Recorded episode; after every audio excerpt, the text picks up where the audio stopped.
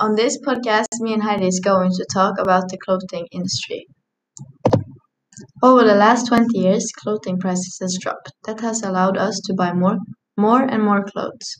We now have five times more clothes than our grandparents did. This sounds great, but the reason for the price drop is not. The only way to get cheaper clothing is by reducing the production cost. This, in turn, has serious consequences on our health, our planet, and, our, and on garment workers' lives. Fast fashion is cheap, trendy clothing that samples ideas from the catwalk and celebrity culture and turns them into garments to meet customers' demands. Stores want to get the newest styles on the market as fast as possible, so shoppers can buy them while it's still popular. But the problem here is that buyers stop wearing them after a few wears. It is all in the idea that if you want to stay trendy in fashion, you got to have the latest looks, as they are trendy. This is a big part of the toxic system of overproduction and consumption that have made fashion one of the largest polluters in the world.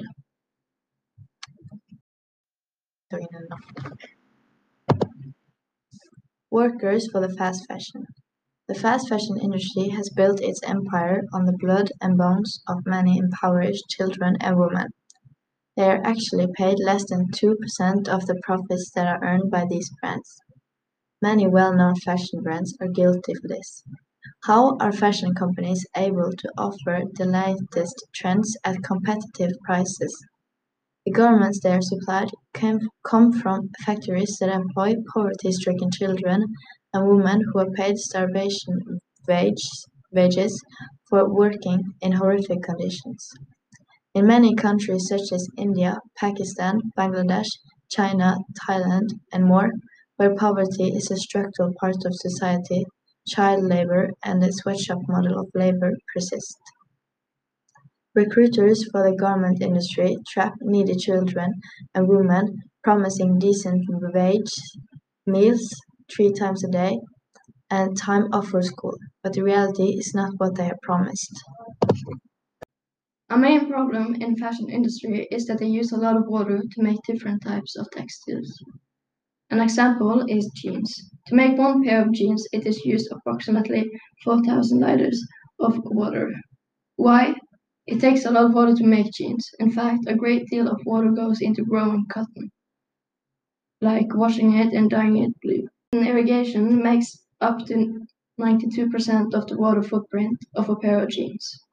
Most sources say it takes 10,000 to 20,000 liters of water to produce one kilogram of cotton. Waste. As consumers worldwide buy, buy more clothes, the growing market for cheap items and new styles is taking a toll on the environment. On average, people bought 60% more garments in 2014 than they did in 2000. Fashion production makes up 10% of humanity carbon emission, dries up water sources, and pollutes rivers and streams. 85% of all textiles go to the dump each year, and washing some types of clothes sends thousands of bits of plastic into the ocean. Here are the most significant impacts fast fashion has on the planet. Clothing production has roughly doubled since 2000. In Europe, fashion companies went from an average offering of two collections per year in 2000 to five in 2011. Some even more. Zara puts out 24 collections per year.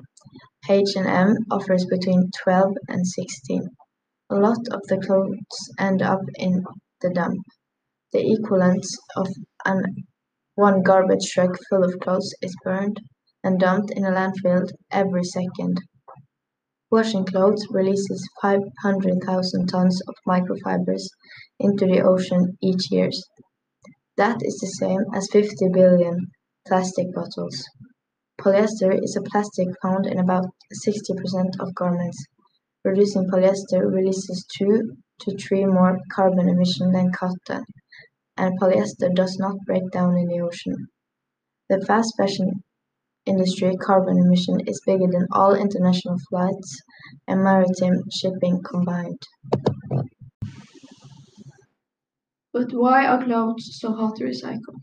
Globally, just 12% of the material used for clothes ends up being recycled. While most clothes with care will last many years, changing fashion means that lifespan is artificially shortened by consumers' changing tastes.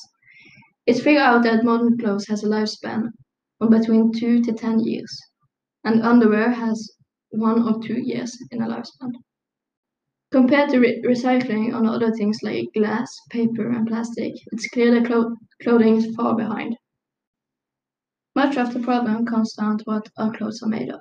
Fabrics we drape over our bodies are complex combination of fibers, fixtures, and accessories. They are made from problematic blenders of natural yarn, handmade filaments, plastics, and metals. This makes them hard to separate so they can be efficiently recycled. Sorting textiles into different fibers and materials types by hand requires a skilled working force. It's hard to do it mechanically. 9 ways to reduce textile waste.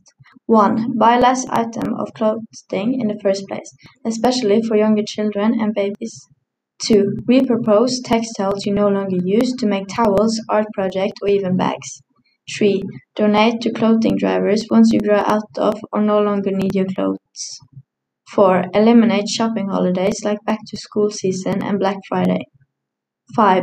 Wash with gentle or eco-friendly detergent to decrease the chance of breaking down textiles. 6. Limit yourself to a certain amount of clothing per month. 7. Purchase, eco-friendly textiles as often as possible. 8. Swap and share clothes, clothing with siblings and friends. 9. Buy used items whenever you can from thrift shops or garage sales. Okay, but why are clothes so hard to recycle? Globally, just 12% of the material used for clothing ends up being recycled. While most clothes with care will last many years, changing fashion means their lifespan is artificially shortened by consumers' changing tastes. It's figured out that modern clothes have a lifespan of between 2 to 10 years, which underwear has 1 or 2 years. Compared to recycling on other things like glass, paper, and plastic, it's clear that clothing is far behind them. Much of the problem comes down to what our clothes are made of. Fabric we drape over our bodies are complex combination of fibers, pictures, and accessories. They are made from problematic blends of natural yarns, handmade filaments, plastics, and metals. This makes them hard to separate so they can be efficiently recycled. Sorting textiles into different fibers and material types by hand requires a skilled working force, and this is hard to do mechanically. Online shopping. In the past few decades, online shopping has gone from being non existent to being a multi billion dollar industry. Buying things online has become common for many people, and recently the number of people buying things online has increased. One of the reasons why online shopping has grown so much over the year years is because of the experience that businesses are able to provide to their customers. We're constantly seeing businesses add new fe features and services for online shoppers, with the intent of providing them the same support and comfort that they would have during an in-person shopping experience. Clothing is one product that has high return rates. Unlike in a walk-in store, the online shopper can try things on before buying, so companies offer free returns to make it easier for shoppers to purchase the same item of clothes in different sizes and colors. Customers try them at home, keep one, and return the rest of them.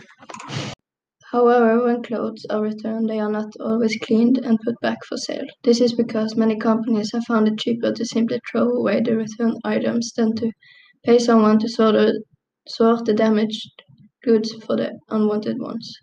In these cases, the returned clothes, which might be in perfect condition, end up in landfills or burnt. One of the biggest reasons why online shopping has increased so much the last year is because of the coronavirus, when countries all over the world was put in a strict lockdown to limit the spread of the virus, the number of people shopping online has skyrocketed. But this is temporary. Many people say that they are going to continue buying stuff online when Corona is over. Thanks for listening. Bye bye.